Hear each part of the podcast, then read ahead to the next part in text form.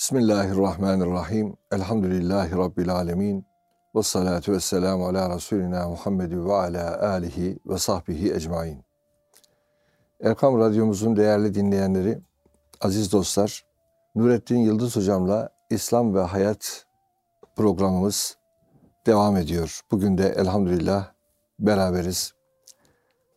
Rabbimiz bu beraberliklerimizi hem bizim ıslahımız için, toplumumuzun ıslahı için ve Hakk'ın rahmetini üzerimize celbetmek için vesile kılsın diye niyaz ediyorum. Amin. Hocam hoş geldiniz. Hoş buldum hocam. Teşekkür ederim. İyi görüyorum elhamdülillah hocam. Elhamdülillah. Allah- İnşallah dışı seni içi beni yakmaz. İnşallah efendim. Sıhhat ve afiyetiniz daim olsun. Elhamdülillah. Ee, hizmetlerinize Rabbimiz bereketler ihsan eylesin.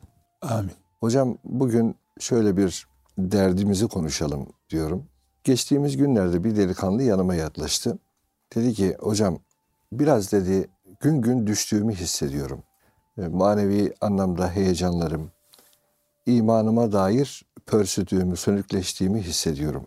Doğrusu niye böyle oluyor? Çaresini de bulamıyorum. Sebeplerini de araştırmaya çalışıyorum gerçi. Ne tavsiye edersiniz diye böyle bir önüme geldi hakikaten.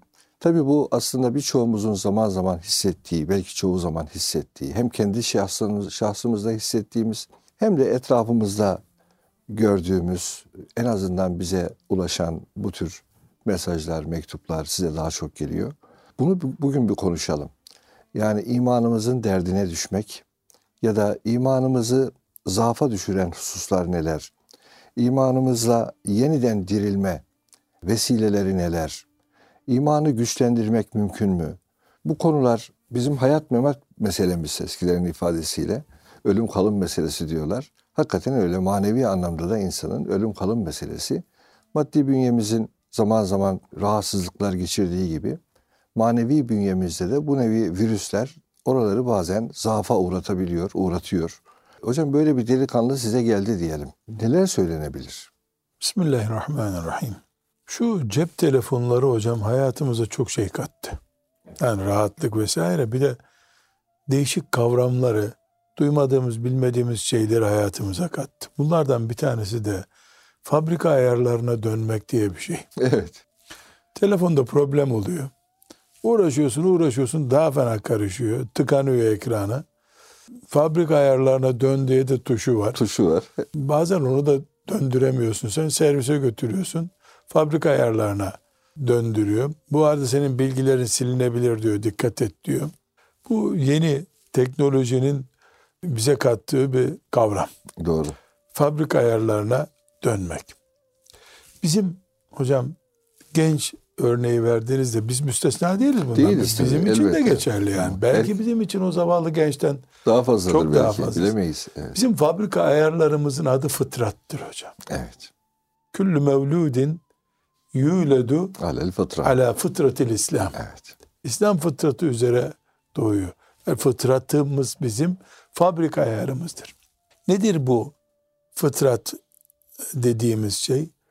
Allahu Teala ile irtibat halinde olur. Kötülükten nefret eder. İyiliğin peşinde olur. Hayır yapmak ister. Asr suresinin özü fıtrat işte. Bu fıtrat bazen yani bulutlanıyor önü. Göremiyor.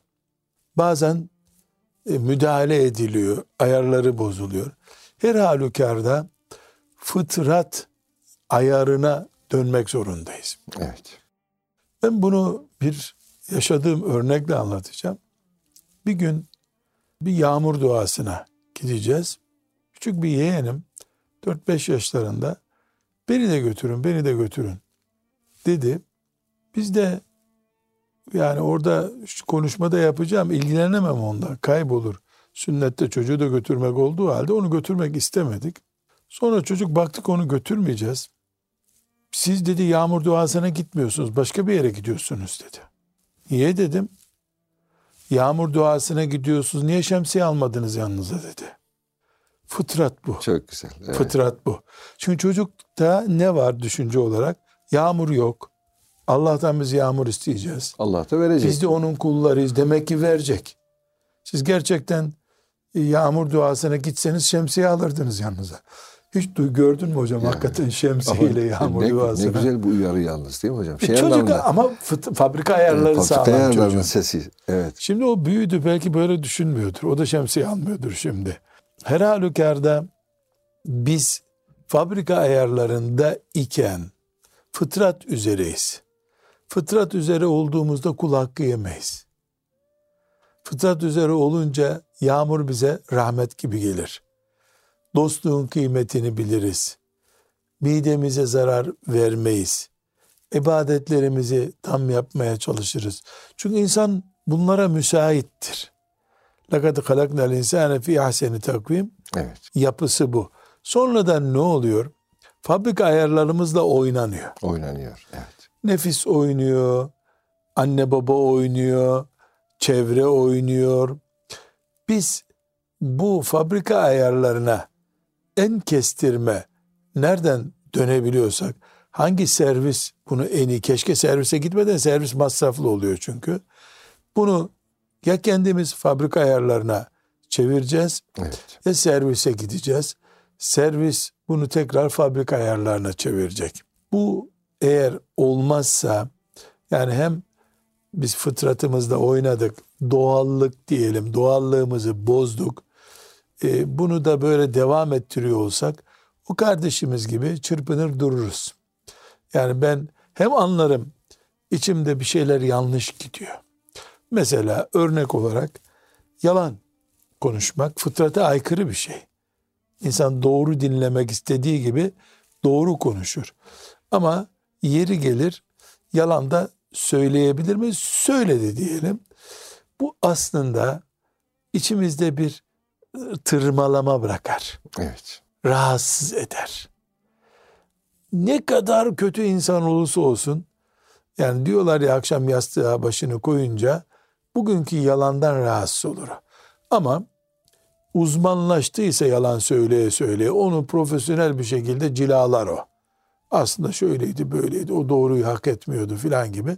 Fakat insan olarak yaşadığı sürece fabrika ayarları hep ben orijinaliyim bunun. Bu yapılan yanlış diye ikaz eder. Şimdi bizim fabrika ayarlarına dönmemiz lazım. O genç kardeşimize tavsiyemiz fabrika ayarlarına dön.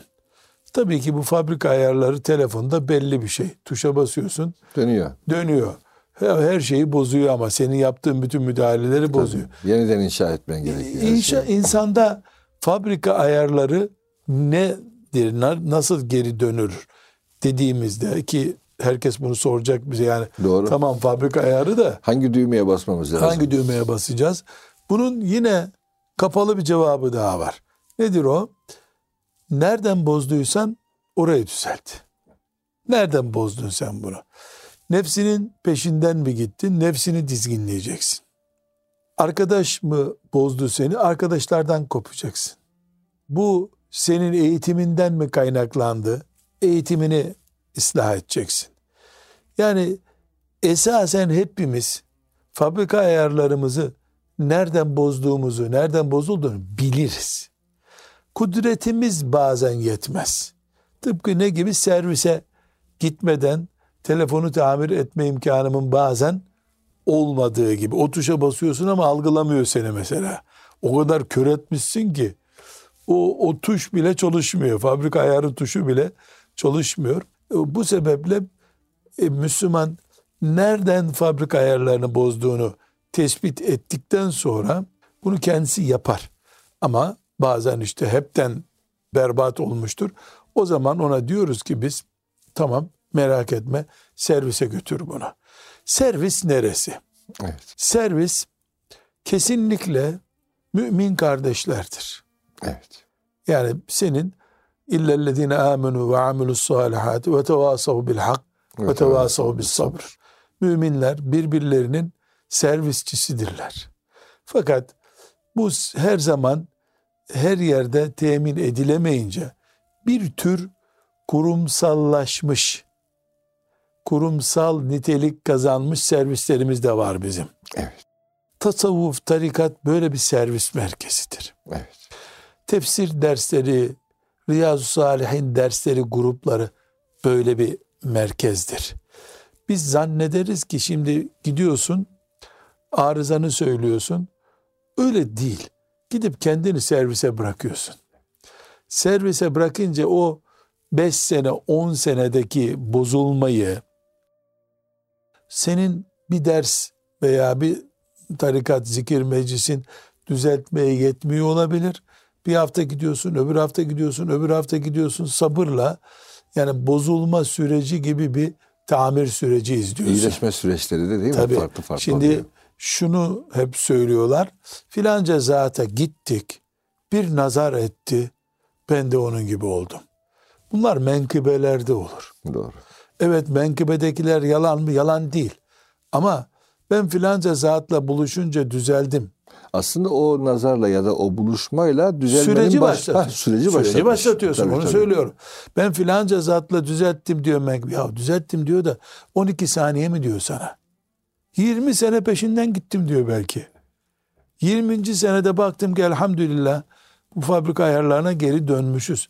Yani 20 senede düzelen bir şey 20 senede değil 40 senede belki bozulmuştur.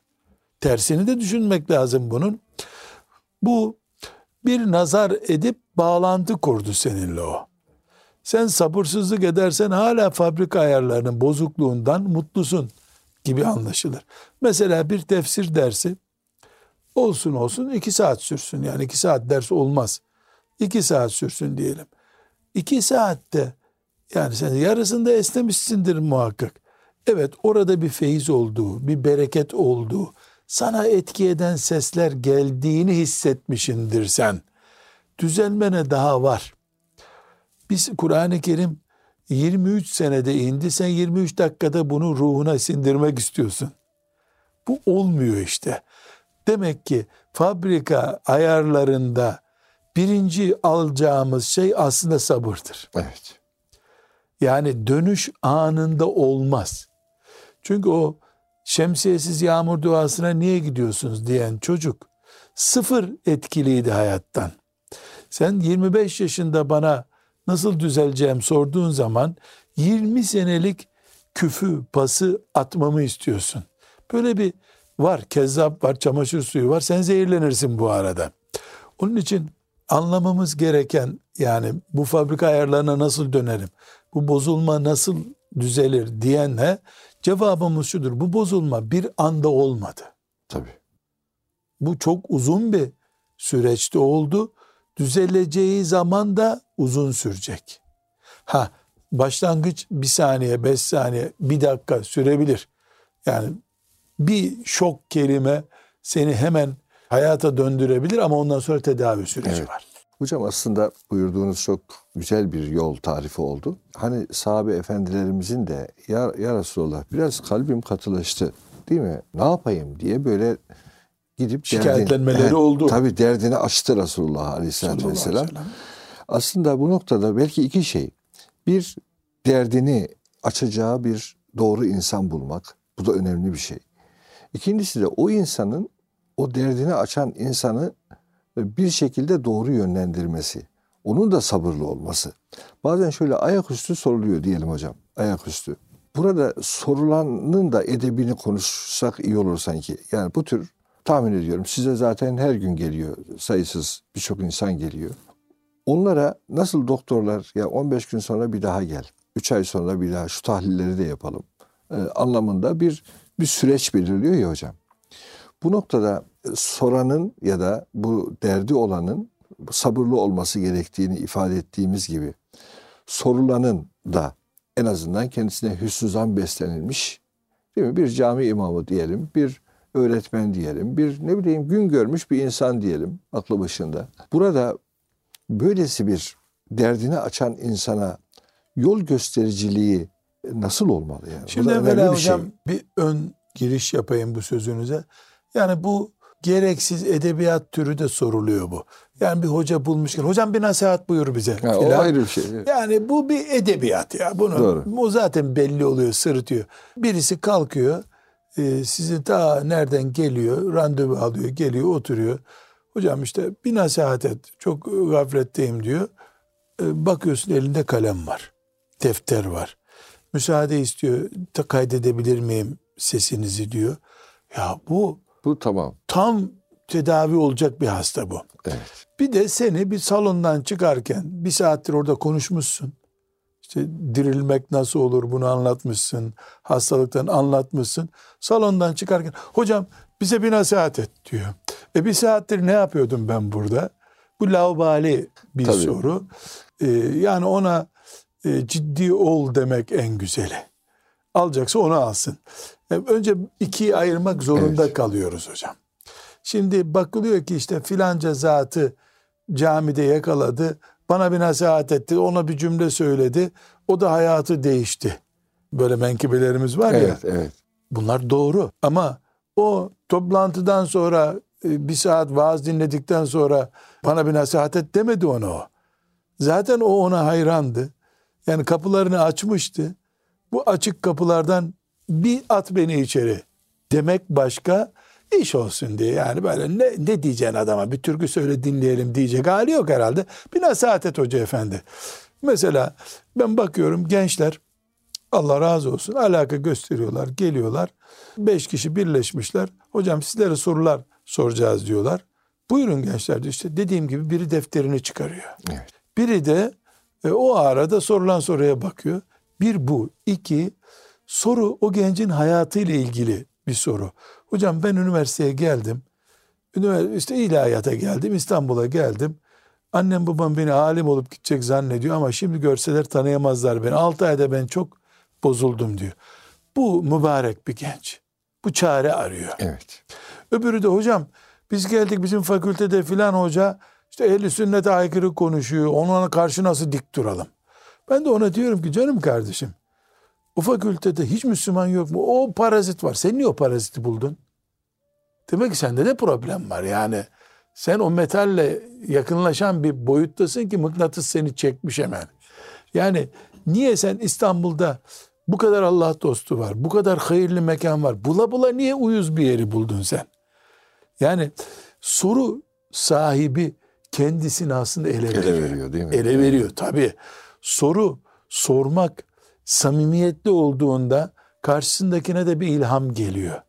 Böyle uyuz bir soru olduğunda da başka türlü oluyor. Bir gün İTÜ'den bir grup öğrenci geldiler. Bunlar sorular morular hazırlamışlar. Çok da böyle vakur duruyorlar. Bir tanesini temsilci seçmişler.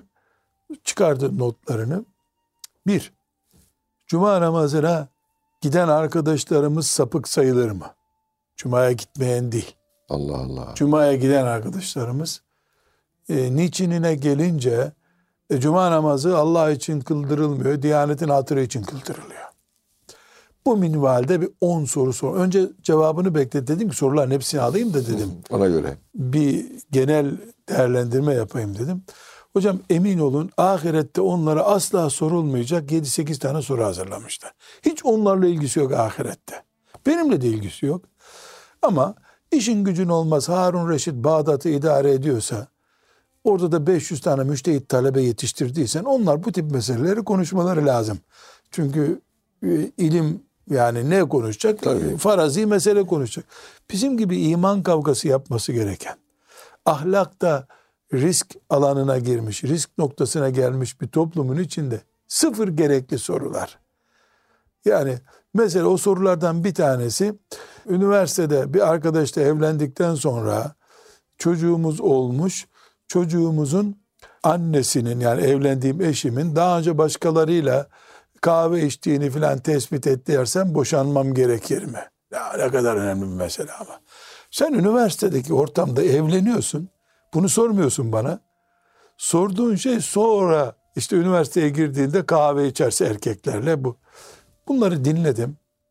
Birkaç dakika böyle ne cevap vereyim diye içimden geçti. Onlara çay ikram ettim filan. Onlar ama defterler elinde bunlara ciddi cevaplar bekliyorlar. Onlara şimdi burada söylersem yani hocalarımızın morali kırılır. Tam böyle Karadeniz lehçesiyle cevap verdim. Bu yaptıklarının muhtemel bu olaylardan daha kötü olduğunu, kendilerini harap ettiklerini anlattım. Anlatmaya çalıştım. Yapmayın dedim. Allah sizi daha iyi görmek istiyor. Bakın dedim. Bu ülkede İslam adına büyük işler yapanların önemli bir bölümü sizin üniversitenizden mezun oldu, hayata atıldılar. Siz ise o üniversitede İslam'ın içini oyacak işler yapmaya çalışıyorsunuz. Böyle yapmayın dedim. Ee, bir tanesi dedi ki biz sizi ciddi bir hoca zannettik dedi. Gidiyorum ben dedi. İki üç tanesi peşine takıldı, ikisi kaldı. Ya beni protesto ettiler. Cevabım da biraz haşin oldu. Yani hakaret vari değil ama onları gerçekle yüzleştirecek cevaplar oldu. Diğer ikisi dedim, siz gitmiyor musunuz dedim. Dedi hocam dedi yani biz yanlış yaptık dedi. Tövbe mi etmemiz gerekiyor bundan dedi. Evet ama dedim öyle tövbe estağfurullah değil dedim. Bunun tövbesi ibadetiniz, ahlakınız, imanınız, anne babanızın sizin üzerinizdeki hakları üzerinde düşünmek olsun dedim. Bu konuda ne yapabiliriz? Annenizin babanızın beklentisini nasıl karşılayacaksınız? Ve namaz kılıyor musunuz? Sabah namazı kılıyor musunuz? Buna bakın dedim. Orada ihtilat ortamındasınız siz. Asla ve kata harama bakmamayı düşünün. Siz mücahitsiniz dedim. Kucaklaştık onlarla. Beş kişiden bana iki kişi kaldı. kişi Yani. kaldı. Üçü gitti. Eminim onlar da gittiklerinde derin tefekkür etmişlerdir. Yani ya bizimki de abartıydı filan.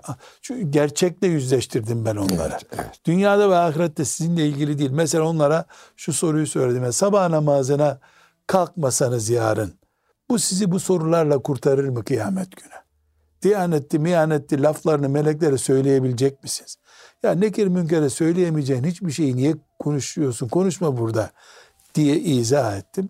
Yani soru da önemli hocam. Bunu vurgulamak istiyorum. Önemli. Yani soru kişinin laubaliliğini gösteriyor. Kışkırtıcılığını, provoka etmek istediğini de gösteriyor bazı sorular. Hocanın buna dikkat etmesi lazım. Ondan sonra soru kime sorulduysa iki yani ikinci geldiğimiz boyut kişi bana sorulduğunda bu sorunun muhatabı ben miyim? Başka bir hoca kardeşim mi? Veya başka bir Müslüman buna daha iyi mi cevap, Cevap verir. verir? Çok Bu güzel. önemli. Ben her sorunun otomatik cevabını bilen bir Allah dostu değilim hocam. Kimse böyle değil. Ya Efendimiz sallallahu aleyhi ve selleme soru sorulduğunda Ali'ye sorun. Ali bu işin ustasıdır demedi mi? Zeyd'e sorun Zeyd'in matematik kafası iyidir anlamında cevap vermedi mi ya? Matematikye yönelik soruları Zeyd'e yönlendirmedi mi? Mirası Zeyd'e sorun demedi mi? Ya demek ki halbuki bekleyin dese en azından vahiy ona cevap verecek. Ama her sorunun muhatabı ben değilim. O kardeşe yapaca- yapacağım en büyük iyilik Adem Hoca Efendi'ye git. O sana bu cevabı net verir dememdir. En büyük iyiliği yaptım ona. Bana göz hastası soruyor cevap veriyorum. Beyin hastası soruyor cevap veriyorum. Ayağı kırılana cevap veriyorum. Ben o zaman allame-i cihan dedikleri bir tipim. Böyle bir insan yok mu? Yok tabii. Eskiden de belki yoktu, şimdi hiç yok. Eskiden zarureten bir köy imamı her şeye cevap veriyordu. Yani Google bile bazı şeylerde bunu bilmiyorum diyor. Yani yapay zeka bile duruyor bazen de. Evet, evet. Demek Bu ki benim alanıma girmiyor diyor. bu, bu normal. Evet. Mesela soruyorsun ben bunun için oluşturulmadım diyor. Evet. E bu çok önemli hocam. Yani gence soru soran genç dediniz siz gence diyorum. Gence haddini bil. Uygun soru sor, sana lazım soru sor dediğimiz gibi dönüp kim cevap verecekse her şeye cevap vermek zorunda hissetme kendini. De diyorum. Emin olun hocam bunu yapıyorum ben. O kadar memnun oluyor ki gençler. Yani bundan önce bir irkiliyor böyle. Ah hoca cevap veremedi bu soruma diyor. Güzelim cevap veririm diyorum. Ama bu cevap kıyamet günü benim başımı belaya sokar. Seni tam tatmin edemeyebilirim. Mesela bu son deizmle ilgili sorular Evet. geliyor. Ee, bu sorulara muhatap olduğum zaman diyorum ki bakın kardeşlerim diyorum. Benim konuşmalarımı dinlediğin için bana geldin ya sen. Bu konulara temas ettiğimi gördün mü hiç? Görmedin. Demek ki ben bu konular üzerinde çalışmıyorum. Ama filanca arkadaşı isim veriyorum. Evet. Dinlersen görüyorsun ki bu konularla ilgileniyor. O zaman ona yaz bu soruyu. Randevu verirse git onunla konuş, uzmanına danış. Güzel. Yani biz bir aile hekimi rolünde olmamız çok daha güzel. Hafif bir kaşıntıya ilaç yazarız. Derin bir kardiyoloji sorununa filanca doktora gönlü ona en büyük iyiliği yapmış olurum. Nereye gideceğini tavsiye ederim. O başı ağrıdığını zannediyor, sırtı ağrıdığını zannediyordu. Ben onun sorununun sırt ağrısı değil, kalp damarı sorunu olduğunu söylemiş olurum. İyiliğimi yapmışım. Kişi cevap verirken bu noktayı bilmeli hocam. Aksi takdirde kul hakkına da bile girer. Oyalıyorsun çünkü. İki, üçüncü noktamız Hocam isterseniz bir ara verelim. Bu çok önemli çünkü. siz bilirsiniz hocam. Üçten itibaren ikinci bölümde e, inşallah sizleri dinleyelim. Çok güzel bir çünkü maddeler halinde sıralıyorsunuz. Aziz dostlar, değerli dinleyenlerimiz, Nurettin Yıldız hocamla İslam ve Hayat programında programımız devam edecek. Kısa bir aradan sonra.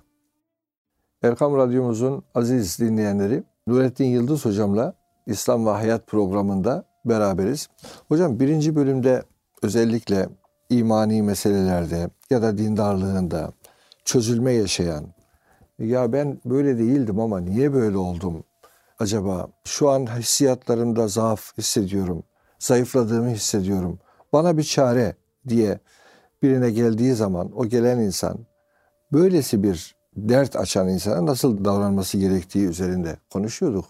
Sizler de sağ olasınız her şeyden önce insan soru soranın bu konudaki ciddiyetini de görmeli. Ciddi değilse bile ona da belli nasihatlerde bulunmalı, yol göstermeli en azından. En azından ciddi olmasını söylemeli.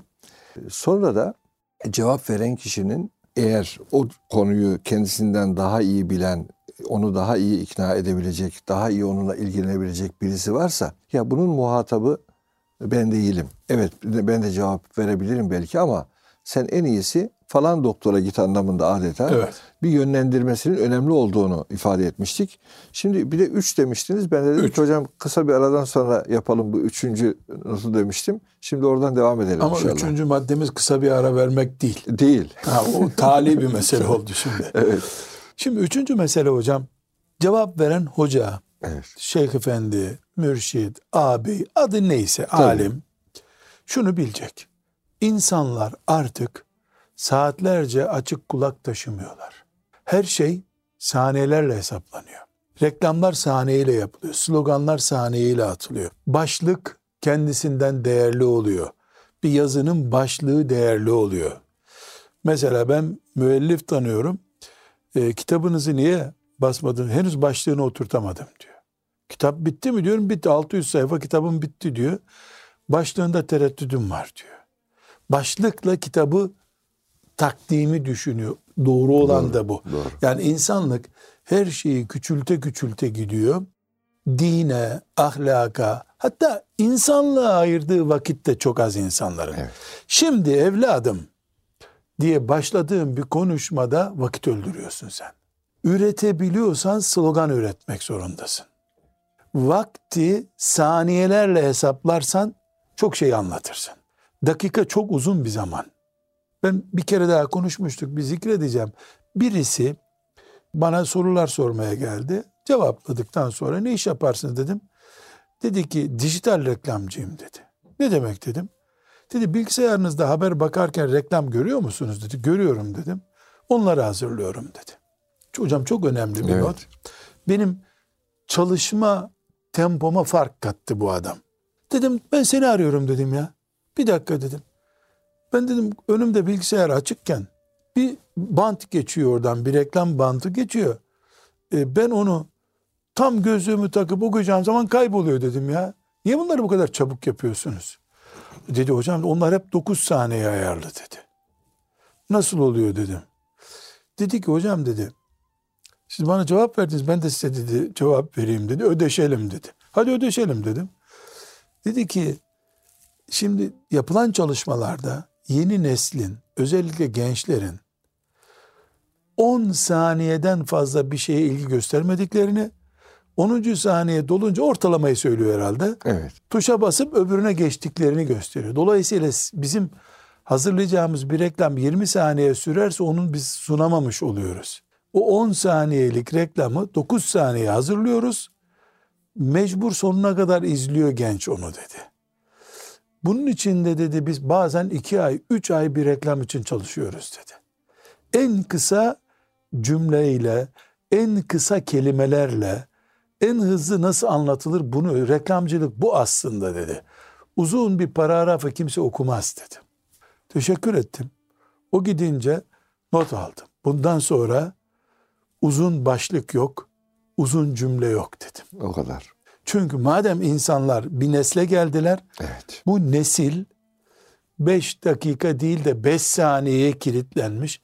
O zaman Allah'ın hocalık olarak benden istediği şey kısa konuşmak, kısa özetlemek. O zamana kadar ben 59 dakika konuşurdum hep. 60. dakikada bitirirdim. Şu anda 35 dakikaya düşürdüm. Beşer dakika aralıklarla indirdim. İnşallah 25 dakikaya indireceğim derslerimi.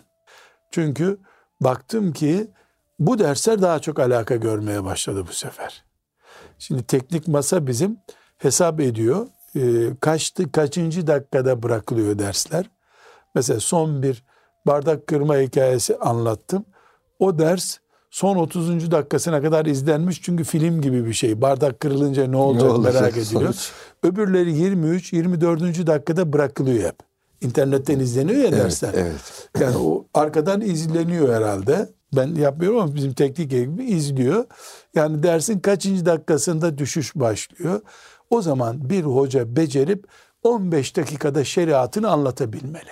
15 dakikada anlatabiliyorsan çok iyi şey biliyorsun. Bana soru soran birisine "Ee yavrum bir çaylar gelsin bakalım." deme zamanında değilim. O himmette bir insan yok. O himmette ihtiyarlar var. Vakit geçirecek yer arıyorlar. O da senin dediğini zaten anlamak için esniyor. Esniyor da anlıyor görünüyor sana. Bu sebeple muhatap kitlen senin muhakkak 25-35 yaş arası bir gençtir. Onlar da bu dilden anlıyorlar.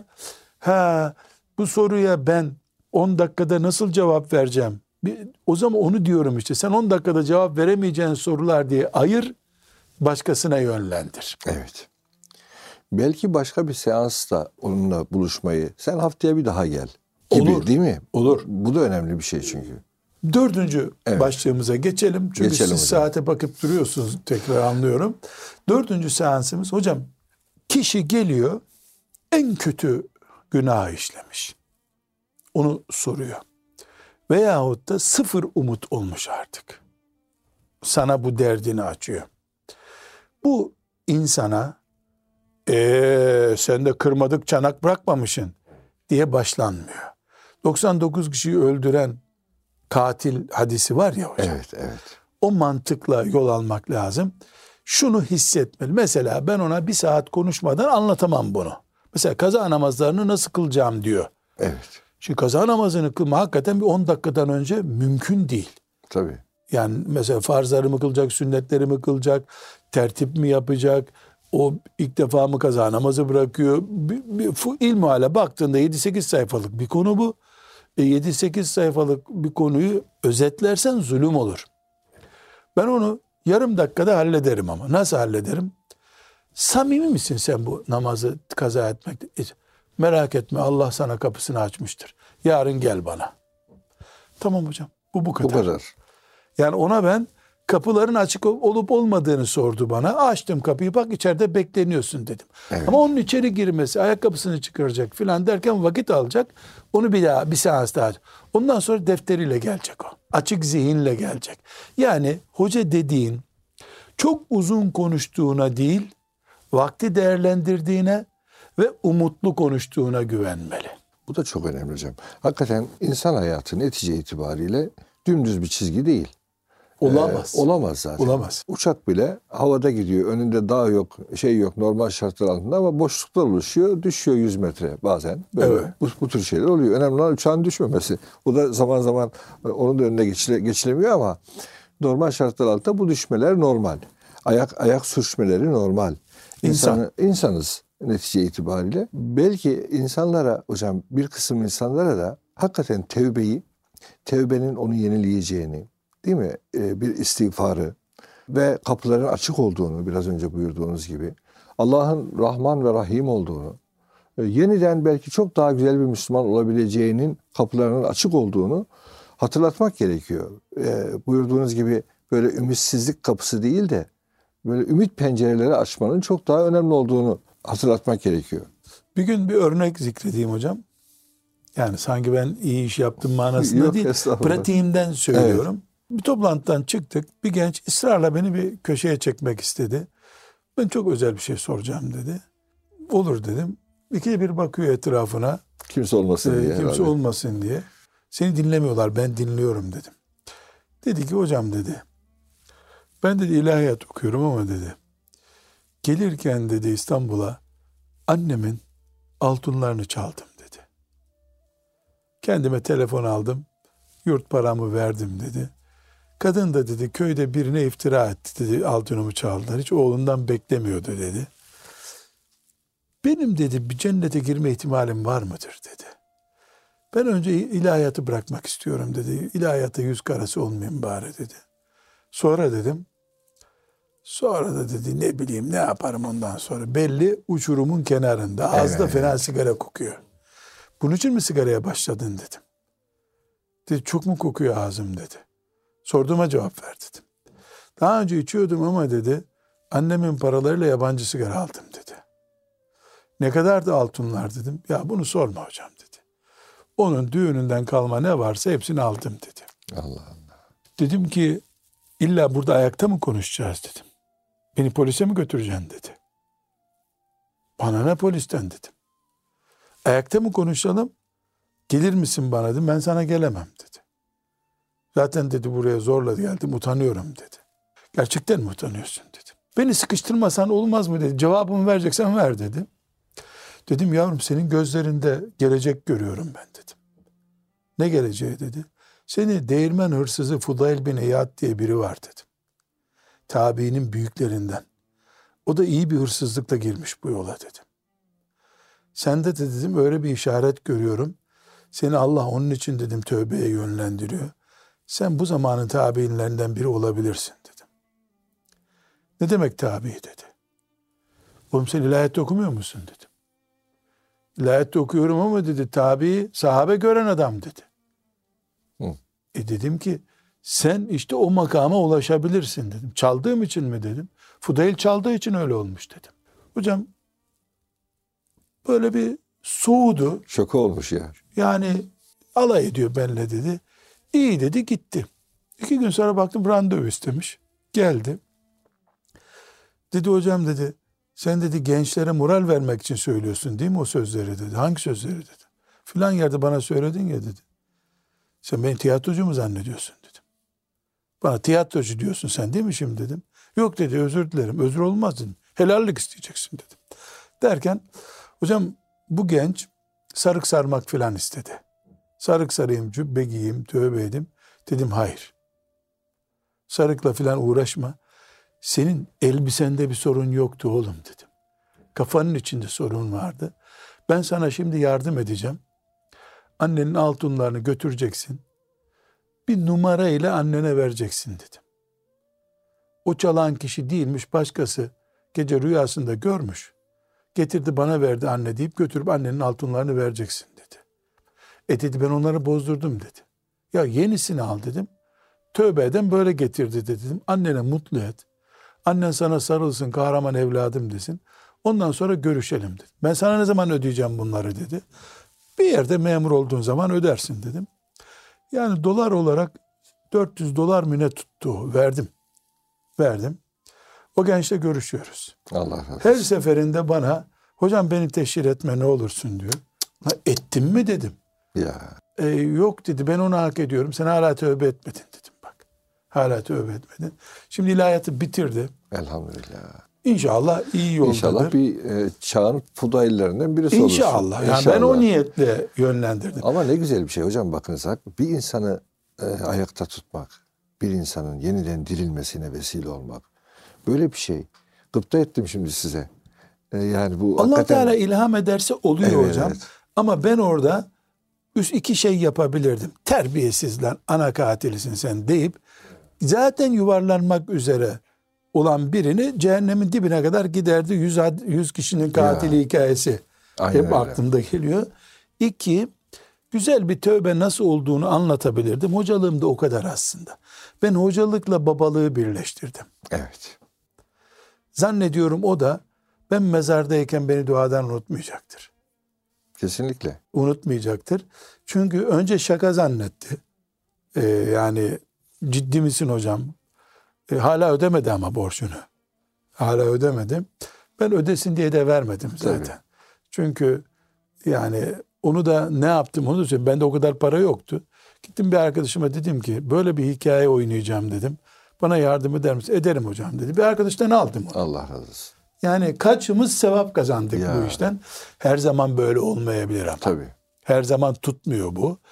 Ee, Fakat özellikle hocam burada dinleyen insanın da hakikaten dilinin ucuyla değil de yüreğini de, merhametini de, şefkatini de, o işte uçurumun kenarındaki insanı da hissederek ona sahip çıkma arzusu da çok önemli değil mi? Allah önce bu zemini hazırladıysa diyelim. Yani ona gerçekten tövbe nasip ettim Allah. O da onun isteği üzerine oluyor tabi. Bu sefer beni allah Teala vesile kılıyor. Aracı kılıyor bu işe. Ben kazanıyorum. O benim para istediğim arkadaş kazanıyor. Onu Nurattin Hoca'ya git diyen ecir kazanıyor. Yani bir kişinin hırsızlığından kaç kişi cennete girecek hocam? Allah'ın gibi izniyle. oluyor. Böyle onlarca örnek sayabilirim. Evet. Yani elhamdülillah ama Demek başarısız olduğumuz insanlara e, hakikaten böyle ümitsizlik değil de sürekli kapının açık olduğunu duyurmak gerekiyor. Değil Bu, mi? bu önemli. Bu önemli bir şey. Sizin saatiniz yaklaştı hocam. Ben bir beşinci maddem daha var. O da çok önemli. Buyurun. Şimdi kim olursa olsun hele bu zamanda o düştüğü bataklıktan hayrı gösteriyorsun bu tarafa gidiyor. Burada sabit kalacağına dair bir garanti yok. Yani tertemizken bozuldu. E, fabrika ayarları düzelttin ama bir daha tekrar tuşlarla oynarken bozacak onu. Onun için hocalarımız, abilerimiz, annelerimiz kimse süreklilik kazandırmalı bu mesajına. Mesela ona e, haftaya bir daha görüşelim bu sefer çay içelim demeli. E, ben filan yere gideceğim istersen gel beraber gidelim demeli. O çünkü salih bir arkadaş bulamadığı için o noktaya geldi büyük ihtimalle. Ben ona şimdi ilaç verdim. Soğuk algınlığından ciğerleri öksürüyordu. ilaç verdim. O ilaç onu iyileştirdi. Gene rüzgara çıktı. Gene üşüyecek. Gene aynısı olacak. Onu ikide bir radyatörün kenarına, sobanın kenarına davet edeceğim. Gel.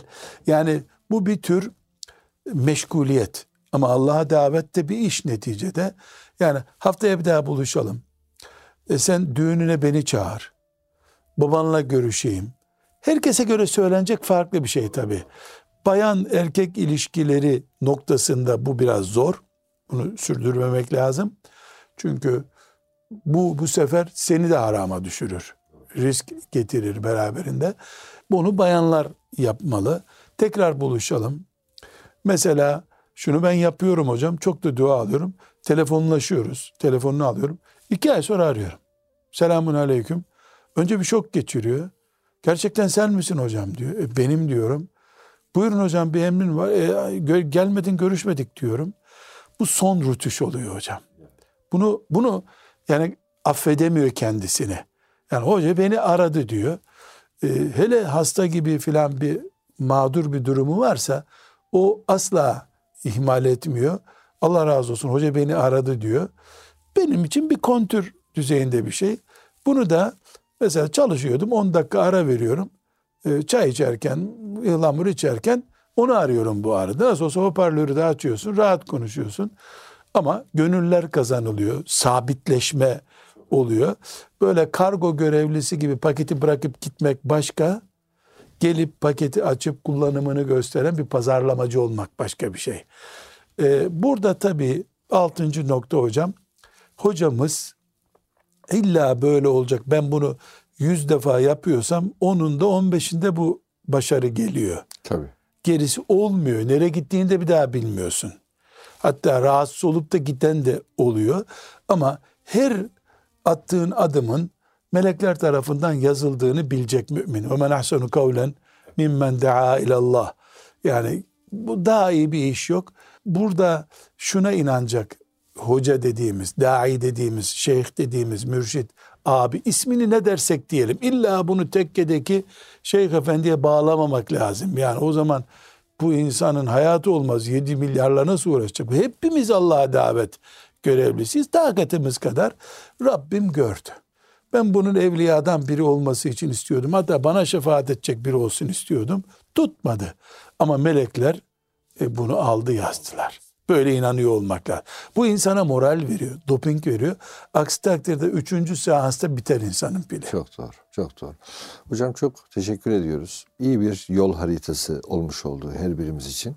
Yüce Rabbimiz e, inşallah her birimize hastalandığımız böylesi güzel tabibi maneviler, hem maddi tabipler hem manevi tabipler.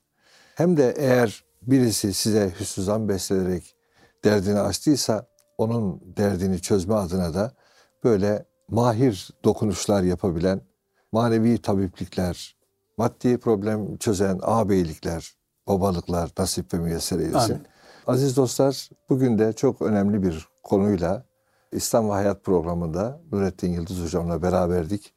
Rabbimiz inşallah her birimize sıhhat ve afiyetle güzel kulluklar nasip eylesin. Allah'a emanet olunuz.